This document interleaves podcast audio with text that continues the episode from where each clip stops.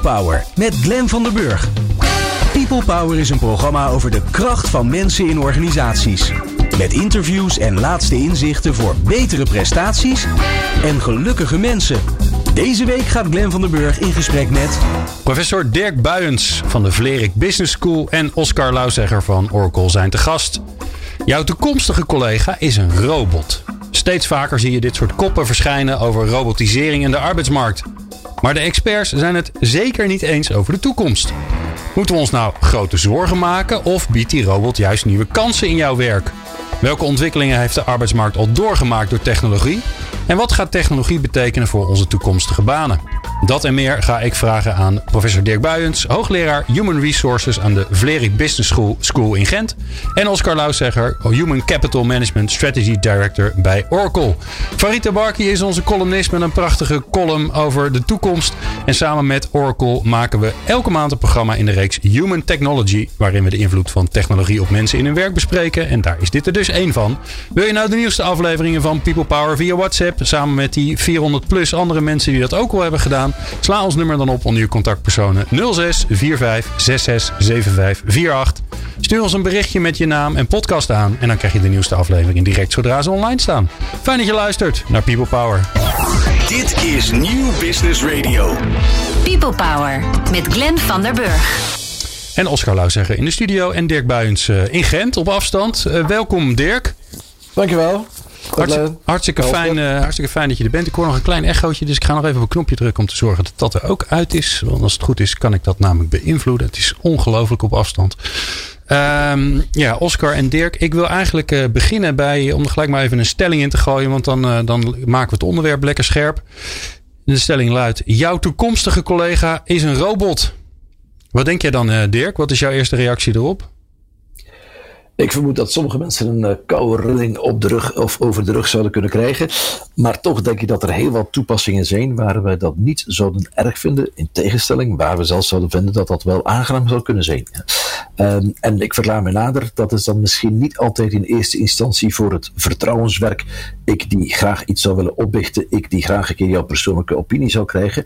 Maar wel voor wat we graag noemen het transactionele. Die zaken waar ik een vraag heb en waar ik eigenlijk alleen maar het juiste antwoord wil horen.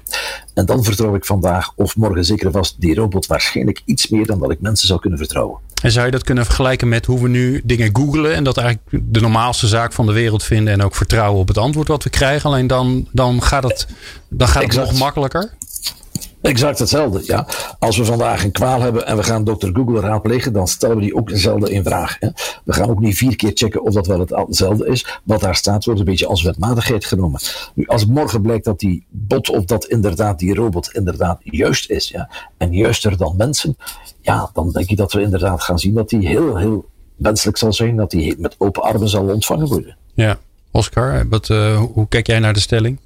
Ik durf hem nog wat uh, sterker te zetten. Oeh. Ik denk dat het vandaag al zo is.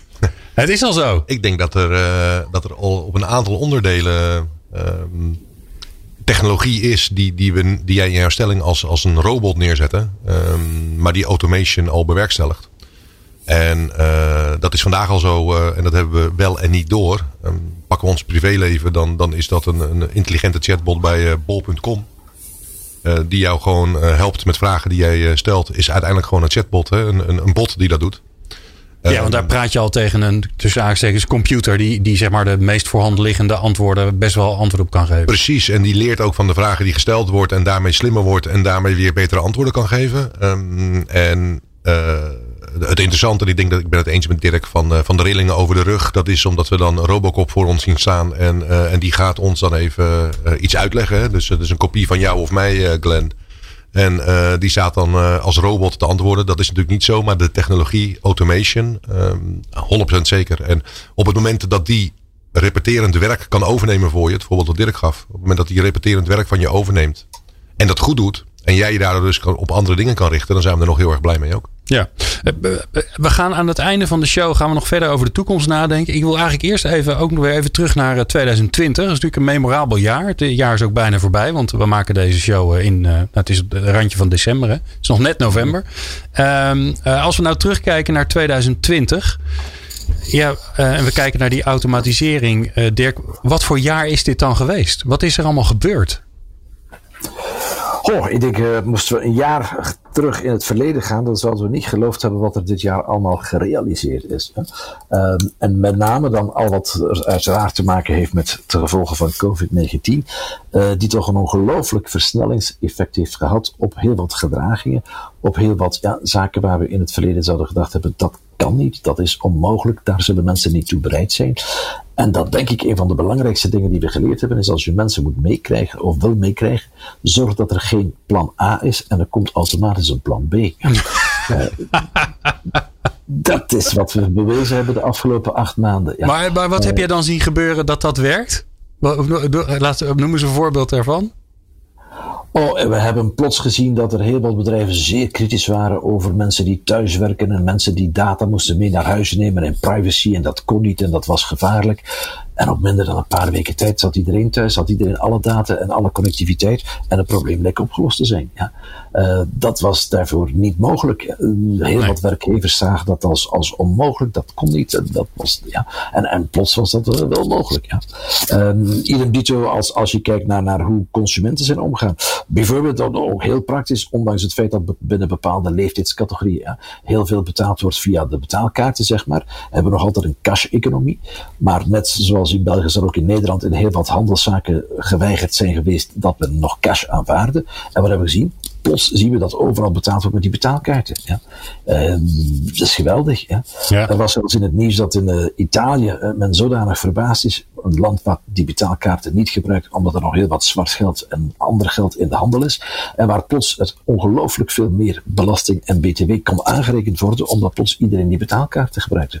Onmogelijk een jaar geleden. Ja, ja en, en ga zo maar door. Ik, ik geef wel wat voorbeelden. Die, maar die, die laatste die had ik niet aanzien komen eerlijk gezegd. Ja, dat is wel mooi. Dat is een mooie. Ja, dus dat is gewoon de, de, de, de, zeg maar de, de ja, hoe, daar hebben ze een mooie naam voor toch? Voor de, de, uh, hoe zeg je dat nou? De informele economie. Dat ja. is een vriendelijke manier om te zeggen dat je geen belasting betaalt. Ja. Die, uh, die is geslonken dus. En die heb je plots, ja, ja, omdat inderdaad cash uit de boze was. Ja. En dan krijg je plots een heel andere samenleving. Ja. Dus dat zijn, zijn toch allemaal zaken waar je, ja. Uh, wie had er gedacht dat er op de grootste autostrades uh, in onze lage landen plots geen files meer zouden verschijnen? Ja. Omdat mensen in grote mate gevraagd worden om thuis te werken. Dat, dat, dat lijkt science fiction uh, naar het verleden. Ja. En zijn die, want dat is wel grappig, hè? Zijn die veranderingen nou echt helemaal nieuw en door COVID? Of waren ze er al, sluimerden ze er al en hebben ze alleen maar een boost gekregen? Ja, ik denk dat dat een heel terechte vraag is. En, en daar zou ik bijna durven zeggen, ik denk dat het meeste er al was. Hè.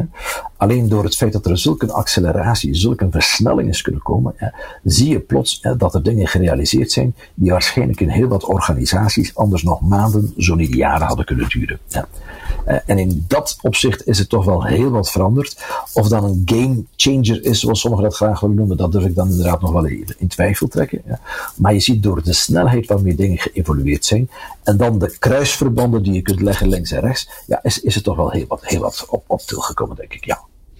En als je, uh, als je nu verder kijkt in organisaties, hè, Deer, want dat is ook jouw vak, hè? hoe werkt zo'n organisatie nou eigenlijk? Wat zie je dan in die organisatie nu misschien op een, ja, op een wat we weten allemaal dat we meer thuiswerken. Dat zijn de uiterlijke dingen uh, die we zien gebeuren. En dat gaat natuurlijk effect hebben, maar dat, het heeft ook invloed, kan ik me voorstellen, op cultuur van de organisatie of, uh, of de structuur van de organisatie. Wat zie je daar gebeuren? Ja, maar ik denk dat we het uh, eerlijk moeten zijn. Een aantal dingen lopen zeer succesvol en dat hadden we nooit gedacht. We zien ook een aantal problemen waar we ook nooit over, nagedacht hadden. Ja? Namelijk de sociale rol die werk toch wel inneemt in een mensenleven. Zeg maar het structureren van je dag, uh, dat is een rol die, die werk inneemt. En waar het vandaag voor heel wat mensen een stuk moeilijker is om dat te doen als men niet die zelfdiscipline heeft. Ja? Of Pril Eerste Onderzoek geeft ook al te kennen mensen die wat minder conscientieus zijn en of mensen die wat meer extravert zijn, die beleven zwarte tijden. Ja. Want inderdaad, als ik niet dagdagelijks in interactie kan gaan, ja, dan zie ik dat sommige mensen een stukje komen te vereenzamen. En dat doet misschien geen afbreuk aan het werk dat ze verrichten, maar dan weet je dat gaan ze niet volhouden. Ja. Um, last but not least, een, een, probleem waar ik bijna dagelijks telefoons voor krijg, is alles wat te maken heeft met onboarding vandaag de dag. Ja. Ah. Hoe ga ik met nieuwe medewerkers omgaan? Daar moeten we heel eerlijk zijn. We zitten nu zeven, acht maanden, denk ik, ja, in, in een partiële lockdown. Daar zie je al de eerste mensen die terug vertrokken zijn, die in volle corona, zeg maar, toegekomen zijn in het bedrijf. Ja. Vorige week was ik in een bedrijf waar zeg ja, we hebben een hele cohorte, een groep van mensen, meer dan twintig man, die eigenlijk al meer dan zeven maanden aan het werk is, maar die hebben nog nooit op kantoor geweest. Ja. Maar we zijn al een paar van die mensen terug kwijtgeraakt. Ja. want het is niet mogelijk geweest om ze te herbergen in onze cultuur. Ja. Uh, omgekeerd ook, en dat is dan het andere, ik zie sommige mensen die er al zeven, acht maanden zijn, maar die nog altijd werken volgens de principes van hun vorige werkgever, omdat ze niet geleerd hebben hoe in dit nieuwe bedrijf gewerkt wordt. Hè. En daardoor heel wat spanningen veroorzaken in virtuele meetings, in virtuele encounters, omdat die mensen niet met de, ja, met de paplepel zijn ingelepeld hoe je dit soort dingen doet in dat nieuwe bedrijf. Nee, want dus daar dat, doe je toch wel dat je soms op limieten loopt. Dat leren van de cultuur, van de mores, dat doe je dus blijkbaar toch ook door bij elkaar in de buurt te zijn, uh, te imiteren. Dat, dat, is, ja, het voelt als een soort onbewust proces bijna. Ja, ja je, je moet bijna zien, je kan een kind ook niet op een afstand opvoeden. Ja? Uh, ook al denk je dan al dezelfde of het juiste DNA te hebben doorgegeven bij de geboorte en noem maar op. Ja, dat, dat is inderdaad door, door, door er permanent mee geconfronteerd worden. Ook omdat het over dat soort gedrag gaat, een typische socialisatiegedrag, waar je nooit over praat, maar waar je gewoon doet wanneer je het ziet. Ja? Uh, en, en, en dit zijn de heel subtiele dingen die dan toch wel de definitie van een cultuur zijn. Ja. En ik kan me ook voorstellen dat er voor leidinggevenden nogal wat veranderd is. Hè? Want die, uh, ja, die die, veel leidinggevenden waren volgens mij nog gewend om vooral op basis van wat ze zagen en hoorden en voelden. Hè, management by walking around of uh, management ja. bij, uh, bij being a kamerplant. Uh, in, de, in de buurt zijn, te kijken wat er gebeurt. Ja, dat gaat dus niet meer. Dus wat, wat gebeurt er op dat gebied? Nou, inderdaad. Het is daar waar dat uh, hele concept van vertrouwen voor een stukje komt. Dus dat je inderdaad, ja, ik zie mijn medewerker niet, ik zie hem of haar niet. En toch moet ik erin vertrouwen. Uh, terzelfde tijd zie je ook daar weer voor die sociale behoefte. Dat je dus andere manieren moet vinden van happen to pass by. Hè? Dus inderdaad, ik keer binnenlopen op kantoor. En dat moest niet altijd vanuit een controlerende houding zijn, maar soms ook goed bedoeld. Hè? Hoe gaat het met je? Dat je vandaag dat ook technologisch op een andere manier moet doen. Maar het is niet makkelijk om zomaar binnen iemands kamer te vallen met een team request of met een Zoom request en zeggen, hey, ik wil gewoon maar een keer horen hoe het met je gaat. Ja, want dat komt natuurlijk een beetje controlerend over. Dus daar zie je dat je opnieuw eigenlijk, ja, het, het grote codewoord is daar dat je een soort code of conduct moet hebben van hoe je virtueel met elkaar omgaat. Ja, ja want... En, uh, Oscar, dat vind ik wel interessant. Want je zou natuurlijk, uh, technologisch gezien, zou je daar wel heel veel dingen in kunnen doen. Je kunt, zou kunnen zeggen, ik stuur iedereen een webcam op. Uh, de kamer waarin je werkt hangen die webcam op. Dus we hebben gewoon continu een livestream van iedereen wat hij aan het doen is. Dus eigenlijk hetzelfde als dat je gewoon in een kantoor zit waar je gewoon rond kan lopen met, gla met, met ra ramen erin. Ja. Dus er zijn, je zou kunnen loggen wat iemand op zijn aanslagen op zijn computer, hoe lang die, wanneer die erachter zit. Dus je zou heel veel dingen kunnen doen om datzelfde gevoel te krijgen. Ik heb niet het idee dat dat gebeurt. Nee, Niet in mag, Nederland in ieder nee, geval. En ik mag hopen dat het ook nooit gaat gebeuren.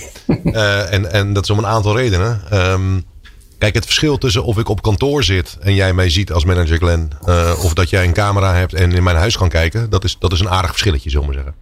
Um, het aantal aanslagen per minuut, hè, bijvoorbeeld. Of hoe lang ben je actief of inactief op je laptop. Is software die al, al heel erg lang bestaat. Um, waarbij ik hoop dat geen één normaal denkende organisatie die gaat gebruiken uiteindelijk gaat het er volgens mij vandaag de dag veel meer om. En dat heeft zich denk ik ook bewezen de laatste acht, negen maanden. Is niet dat ik 40 uur werk, maar dat ik lever.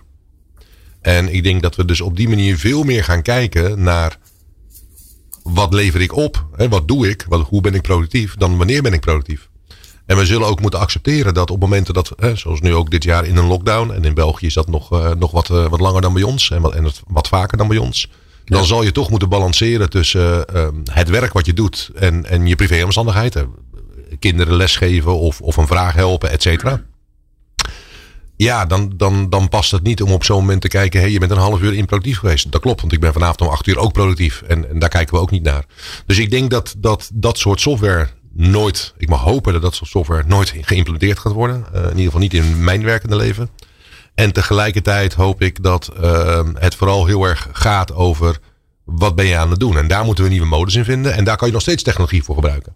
En eens met Dirk, je wil niet zomaar inbreken met een uh, willekeurige zoom op het, uh, op het moment dat het je uitkomt. Tegelijkertijd, Dirk, interessant. Dat deden we een jaar geleden wel. Dan belden we namelijk. Ja, dat, en, heet, dat, en heet bellen. Ja, ja en dat ja. kwam dan ook niet altijd uit. Maar toch vinden we dat nu op de een of andere manier irritanter. En dat komt omdat we bijna non-stop in Zoom-sessies zitten. Of Teams of whatever. Want, want men denkt in één keer, hé, hey, ze reizen niet, dus ze hebben tijd genoeg. Dus, dus gooien we de hele dag back-to-back uh, -back meetings vol. Dus daar zal een modus in gevonden moeten worden. Um, en nog één ding terugkomend op wat jij aan het begin uh, stelde, Glenn, als dat mag. Um, ik denk dat die verandering wel blijvend is. Ik denk dat organisaties nu hebben gezien dat het kan op deze manier.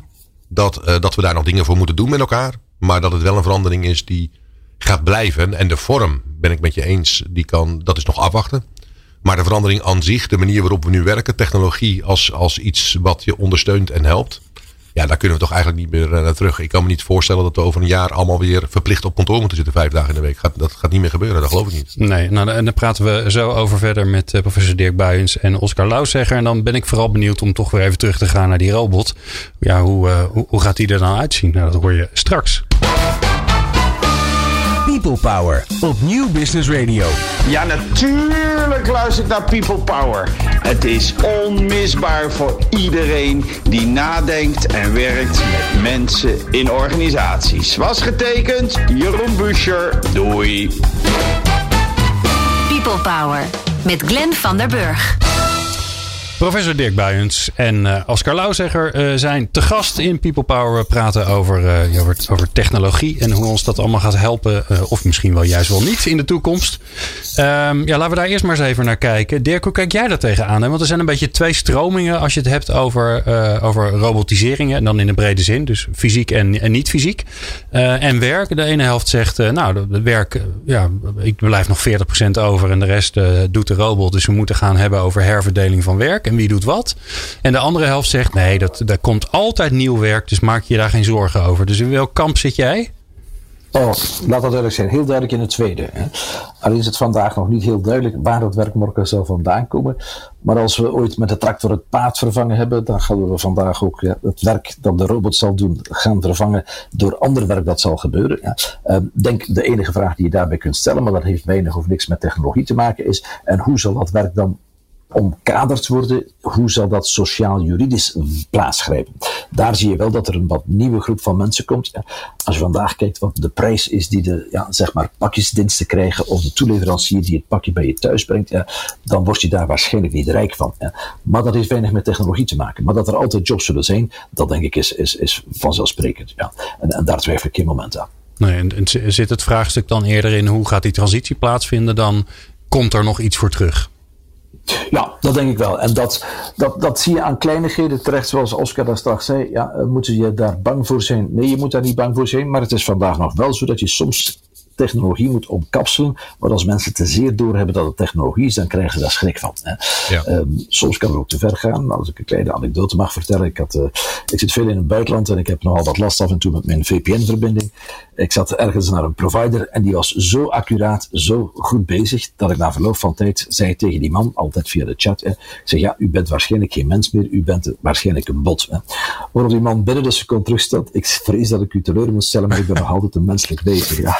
Maar, maar waarom dacht ik dat? Omdat ik inderdaad wat over botsen en, en zaken gelezen heb en weet hoe snel en hoe performant die dingen kunnen zijn. Ja. En die kunnen inderdaad beter zijn dan mensen. Alleen je moet het soms nog wat inkapselen, je moet het inderdaad niet recht toe recht aan doen. Ja. Ja, um, uh, laten we eens even gaan kijken hoe die toekomstige collega, want jullie zeiden eigenlijk altijd van ja, dat zou best wel eens een, een bot kunnen zijn, de toekomstige collega. Oh, hoe, hoe kan dat eruit gaan zien, uh, Dirk? Ah, bijvoorbeeld als je als je kijkt naar, naar het, het vakgebied eh, personeelsbeleid, HR, de meeste mensen die in een organisatie werken, je hebt af en toe wel een keer een probleem. Het zijn met een payslip, het zijn met een pensioenregeling, het zijn met god weet wat. En al dat soort transactionele zaken, dan zou je kunnen zeggen, kijk, je gaat niet meer naar de balie, je gaat niet meer iemand opbellen, maar je, gaat gewoon naar de chatbot. Ja. En, en je stuurt een berichtje en die, en die chatbot geeft jou het exact juiste antwoord. Ja.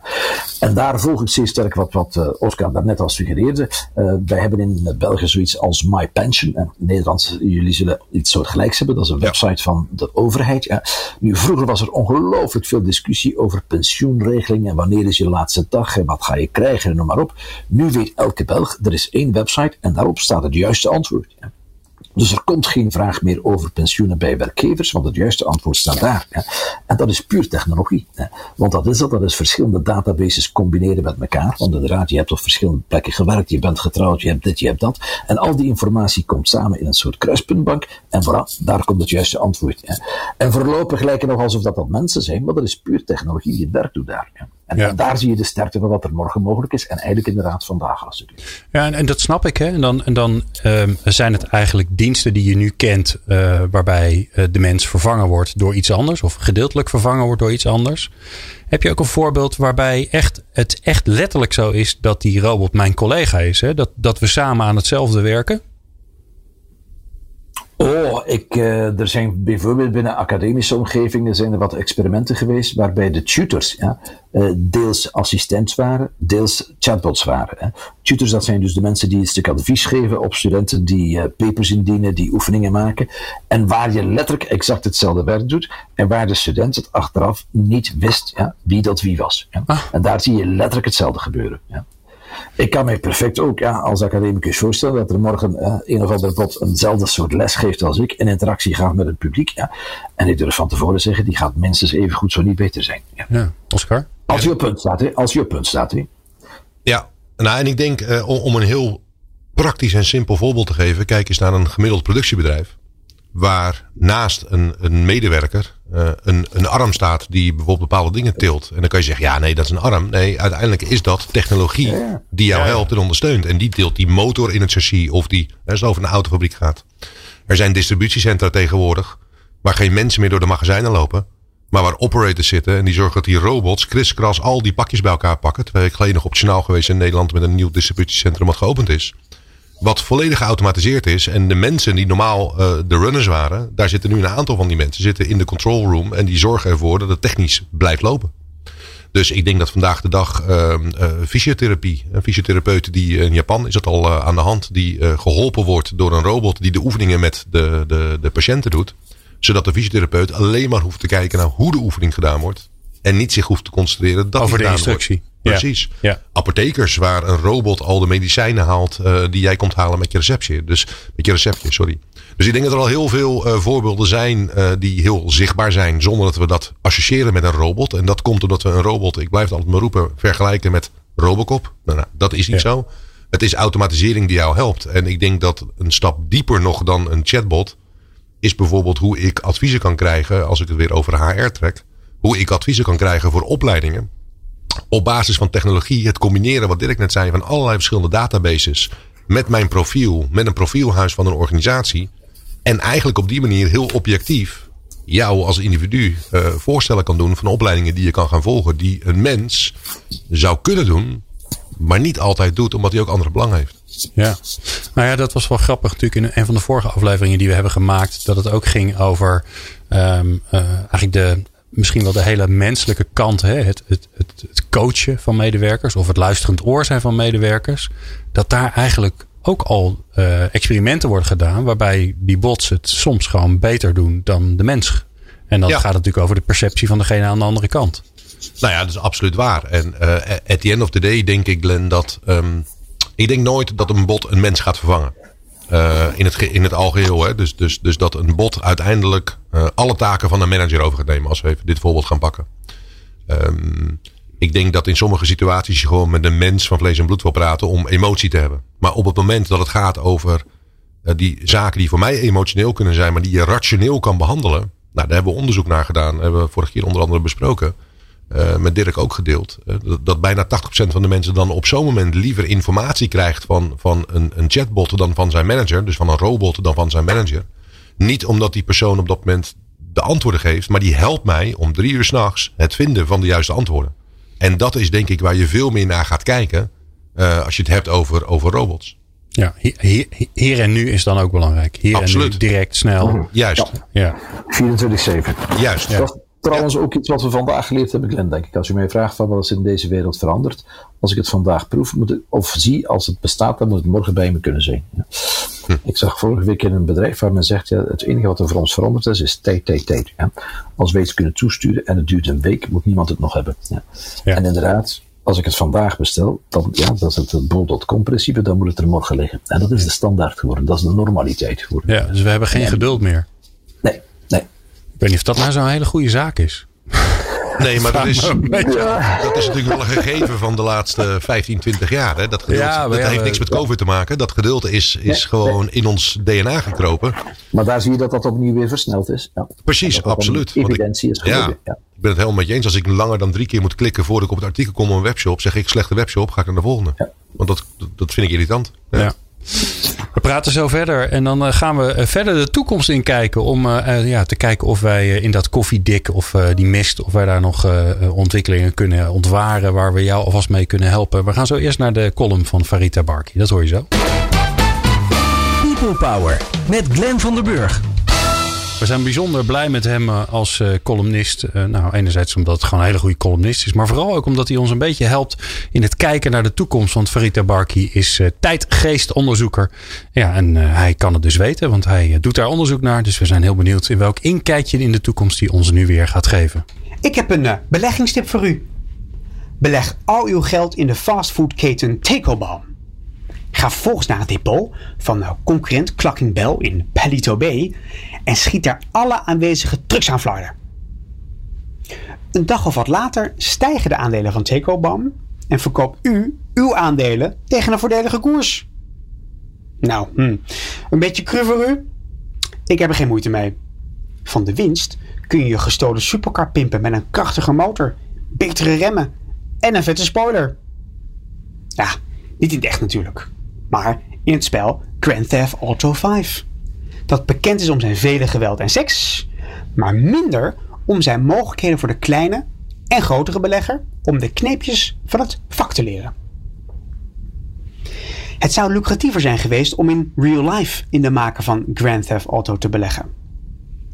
Rockstar Games heeft 250 miljoen dollar in de game geïnvesteerd, waarmee het zich kan meten met de top 5 van duurste films aller tijden. Maar de tellen wat betreft inkomsten staat inmiddels op 6 miljard dollar.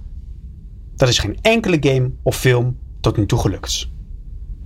En ook in tijden van crisis blijft de entertainmentsector sterk. In Nederland pikken we gelukkig een gaantje mee. Guerrilla Games, gevestigd aan de Amsterdamse Nieuwzijds Voorburgwal, heeft met het spel Killzone goud in handen. Het commerciële succes van gaming blijft niet beperkt tot gamesverkoop, in-game dollars en virtuele opbrengsten van de virtuele bedrijven. Gamificatie gaat veel verder. Het is inmiddels een veelgebruikte tool voor Human Resource Management, PR en klantenbinding. Onwaarschijnlijke organisaties, zoals het Israëlische leger, hebben gaming inmiddels omarmd. Zo kun je op hun site een tijdje punten krijgen als je op sociale media vragen beantwoordt, zoals hoe kan het leger zo min mogelijk schade toebrengen aan eh, Palestijnse burgers? Nou, of het de vrede in het Midden-Oosten dichterbij brengt, dat durf ik niet te voorspellen, maar fascinerend is het zeker. Het spelletje Wasabi Waiter geeft ook punten aan de spelers en verzamelt tegelijkertijd allerlei gegevens van hen. Je bent een serveerder in een sushi-restaurant en moet zo efficiënt mogelijk je klanten bedienen. En denk nu niet alleen dat de horeca hiermee sollicitanten kan beoordelen. Ook Shell heeft de software inmiddels omarmd. Binnen een kwartier zijn voldoende data beschikbaar om de ware innovatoren eruit te halen. Ja, game-based assessments zijn niet nieuw. Ze worden, dat is inmiddels wel duidelijk hoop ik, door allerlei organisaties gebruikt om kandidaten met de juiste karaktereigenschappen en cognitieve vaardigheden te selecteren voor een functie. Wel is het zo dat ook steeds vaker gaming wordt ingezet bij topfuncties. En terecht. Want zoals HR-specialist Pas van de Haat het laatst in de Volkskrant zei... Veel slechter dan we nu in sollicitatieprocedures doen, dat kan niets. We selecteren op zaken die nauwelijks een voorspellende waarde hebben. We kijken naar de eerdere positie en niet naar de prestaties op die posities.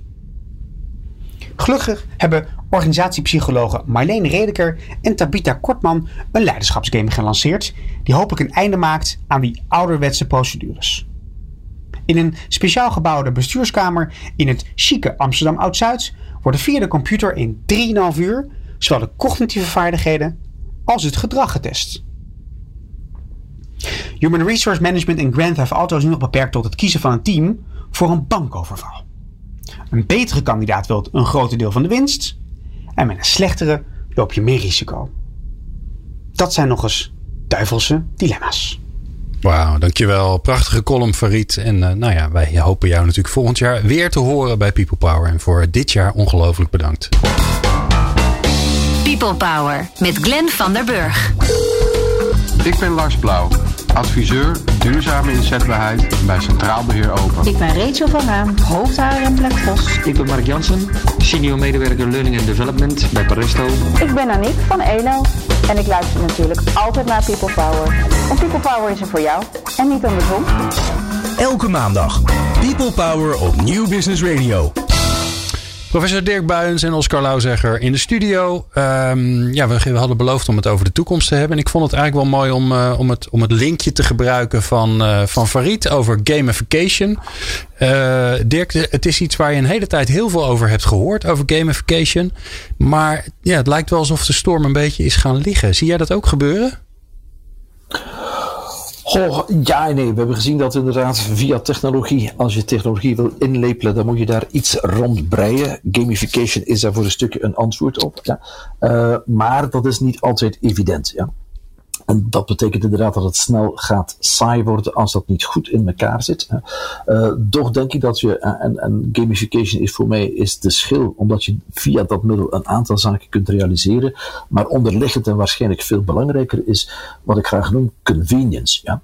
Convenience in de zin dat het zo vanzelfsprekend is dat eigenlijk de doorbraak voor technologie is dat gebruik van technologie waar je niet meer door hebt dat je technologie aan het gebruiken bent. Um, en dat zie je vandaag in een aantal apps. Dat is voor sommige mensen de betaalapps die ze gebruiken. Dat is wat een aantal providers op de markt aan het brengen zijn of hebben gebracht. En als je daar voelt dat het inderdaad met de klik op de muis of de klik op de knop kan gebeuren zonder dat je er moet bij nadenken, ja, dan zie je dat het inderdaad heel makkelijk kan ingelabeld worden. Ja. Dus ik, ik zou daar durven zeggen dat dat nog centraler is. En inderdaad, dat gamification kan een stukje helpen om. Ja, maar het gaat voornamelijk, is het convenient. Ja, en dat, dat is wat ons leidt. Ja. ja. En waar zou die gamification kunnen helpen? Dus als je nou een bedrijf zou moeten of een organisatie zou moeten adviseren, waar zet je het dan voor in? Oh, wat je ziet is dat als mensen een aantal zaken self-paced moeten doen, dus zelf, uh, ja, dan, dan ontbreekt soms de moed om dat te gaan doen. Ja. En als je daar dan een speleffect in steekt, dan gaat het voor een stukje makkelijker gaan. Ja. Uh, wij zouden s'avonds ook niet naar de televisie naar een quiz kijken als dat niet zou uitmonden in een winnaar en een verliezer, want dan is het spannende eruit weg. Ja. En datzelfde geldt in het elektronische. Dus daar een stukje spelaspect in steken, waardoor je als spelend het gaat inlepelen, dat is denk de kern. Ja. En dat kan gebeuren zowel voor, voor veiligheidscursussen in een productiebedrijf, dat kan gebeuren voor uh, essentiële informatie die noodzakelijk is om gedeeld te worden in andere organisaties, maar waar dat vandaag in grote mate self-paced moet gebeuren, omdat ja, de medewerker thuis zit, dat hij ja, uh, individueel zit en dat je daar dan niet als het ware collectieve sessies kunt rond organiseren. Ja, ik denk dat met name als ik, als ik kijk naar, uh, naar waar ik zie dat gamification in de toekomst heel erg gaat, uh, nog meer gaat helpen, is het met name die learning and development. En dat kan uh, heel erg goed, goed voorbeeld denk ik, uh, over security uh, zaken gaan. Zeker bij een organisatie waar dat heel erg belangrijk is. Uh, maar dat kan in het algemeen. Stel je voor dat je, dat je op basis met technologie, en, en dan gaan we misschien wel naar augmented reality toe, AR. Zo, wa waarin, je, waarin je uiteindelijk eigenlijk ergens rondloopt en, en een, een, een echte wereld kan nabootsen. En op die manier bijvoorbeeld uh, als brandweerman, ik verzin het nu, um, alvast kan oefenen met hoe blus ik een brand. Zodat het zo reëel mogelijk, zo echt mogelijk is voordat je naar de volgende stap gaat. En natuurlijk hadden we heel veel van die zaken al en dat deden we dan op een computerschermpje. Maar nog vele malen belangrijker, op het moment dat dat echter gaat worden en dat het dus ook daadwerkelijk iets toevoegt, dan gaan we dat ook gebruiken. En ik denk de convenience zin van, uh, van Dirk is een hele belangrijke. Waarom is Apple de meest populaire uh, uh, smartphone? Omdat het bij uitstek de smartphone is die je kan gebruiken zonder dat je training hebt gehad. Die je snapt. Ja. Ik had het net voor de uitzending met, uh, met Erik uh, erover. Ja, onze fantastische uh, eindredacteur. Precies. Ja. En, en hij zegt zelf, joh, ik ben niet de techneut nee, zoals heel veel andere mensen nee, dat zijn. dat is hij niet. Nou, ik wou het voorzichtig brengen, maar jij bevestigt nee. dat, Glenn. Nee, nee, nee. Hij kan heel veel dingen, maar dat is... Nee. En daarom heeft hij voor een iPhone gekozen. Want die snapt hij zonder dat hij daadwerkelijk een training hoeft te volgen. En dat, dat geldt natuurlijk voor heel veel dingetjes. Op het moment dat het eenvoudig is, intuïtief is, makkelijk is en waarde toevoegt, gaan we het gebruiken. Nou, gamification, op het moment dat jij die, die trainingen kan doen, die voorbereidingen op die trainingen en ontwikkelingen kan doen, op het moment dat het jou uitkomt in een, in een levensechte situatie zonder dat het echt is, ja, dan gaat het wel waarde toevoegen. Ja, ik, ik, ik, wil, ik wil eigenlijk naar de laatste vraag. En waarom is het de laatste vraag? Omdat, uh, omdat het best wel, een, uh, best wel een ingewikkelde vraag is volgens mij voor jullie. Er, er gebeurt natuurlijk heel veel. Hè? Het komt hier al even langs. Gamification, artificial intelligence, machine learning, uh, augmented reality. Nou, de afkortingen die vliegen je om de oren. Ik kan me voorstellen dat de luisteraars denken... ja, het is allemaal prachtig allemaal... maar ik kan dat niet allemaal bijbenen. Dus ik wil eigenlijk dat jullie allebei onze, onze, onze fijne luisteraars gaan adviseren... En dan Dirk, dan mag jij beginnen. Waar moeten ze eh, over lezen, meegaan, experimenteren, ehm, eh, eh, uitproberen, een beetje meer snappen? Dus welke technologie zou je in ieder geval zeggen? Nou, ga daar in ieder geval naar kijken. Oh, ik, ik zou het niet te moeilijk maken. Ja. Ik geloof pas dat die technologie gaat doorbreken als mensen dit soort concepten niet meer moeten weten. Ja. Uh, maar laat ons eerlijk zijn, wat weet ik dat mijn PC doet of dat zelfs mijn mobiele telefoon doet. Ja. En daar is het voorbeeld van Oscar zeer terecht. Ja, waarom is Apple zo succesvol? Ja, dat is omwille van die convenience. Waarom willen we daar zoveel meer voor betalen dan voor anderen? Dat is net daarom. Ja. Dus ik, daar zou ik bijna durven zeggen, alleen ja, hou een, een, een open mindset, hè, wat we dan graag noemen een, een groeimindset, van zodra je iets ziet dat met technologie te maken heeft, zeg niet per definitie nee, maar tracht het voor een stukje te begrijpen, tracht het daar naar te kijken. Ja. En, en, en zonder daaromtrent te oordelen. Ik neem het meest eenvoudige, ja, uh, kijk naar social media. Ja. Um, ik, ik geef een heel dom voorbeeld hoor, maar, maar, het is mij jaren geleden gebeurd. Ja. Um, op het moment dat de zogenaamde small messages, de, de sms'jes, ja, populair waren, vandaag al helemaal achterhaald. Ja. En ik stel vast dat mijn dochter ja, op dat moment in volle puberteit ja, een gemiddelde haalt van boven de 3000 tekstmessages per maand. Ja. En ik dacht altijd, als ik die operatoren hoorde, die reclame die ze maakten van ja, 5000 gratis, 2000 gratis, dacht wie komt daar ooit aan? Dan zie ik plots dat mijn dochter boven de 3000 zit. Hoe zie ik dat? Omdat ik inderdaad toch een telefoonrekening heb die een beetje tegenvalt. Ja. En ik bega de dommigheid om inderdaad per berichtje te printen. Ik krijg niet de berichtjes, maar ik krijg al de nummers. Omdat ik een, een, een diepte inzicht wou in mijn factuur. Mijn klein printertje thuis, ja, die slaat tilt natuurlijk. Ja. Dus ik praat met mijn dochter, ik zeg maar, ja, nu ben ik toch een jaloerse papa. Want als jij de 3000 verstuurt per maand en ik krijg er nog garme twee of drie, ja, wat doe ik fout? Waarop ze spontaan zegt, maar je bent geen leuke. Ja. En, en dan noem ik het, en dat noem ik het proberen begrijpen. Want pas op, toen was het nog. Ja, de, de, puberteit is over en nu ben ik over dat voorbeeld over. Maar ja, wat was, wat was het probleem? Zegt ze, als ik een bericht stuur, ik sta aan het station en je moet me komen oppikken, dan stuur ik een berichtje, wil je me komen halen? Zegt ze, één op de twee keer heb je het niet gezien, dan moet ik jou toch bellen, want je volgt je berichtjes niet op. Twee, zegt ze, als je het toch gezien hebt, dan stuur je een berichtje met oké. Okay. Ja. Zegt ze, heb je dan al ooit gezien wat ik stuur? Ik zeg, ja, dan stuur jij. Dankjewel. Wel, zegt ze, maar dan moet jij terugsturen. Graag gedaan. En inderdaad, wat zie je dan als je dan zo ziet hoe dat die berichtjes stuurde destijds met haar vrienden en vriendinnen? Dat was één communicatie, maar dat ging over 40, 50 berichtjes. Altijd kleine, tutoyerende boodschapjes. Ja.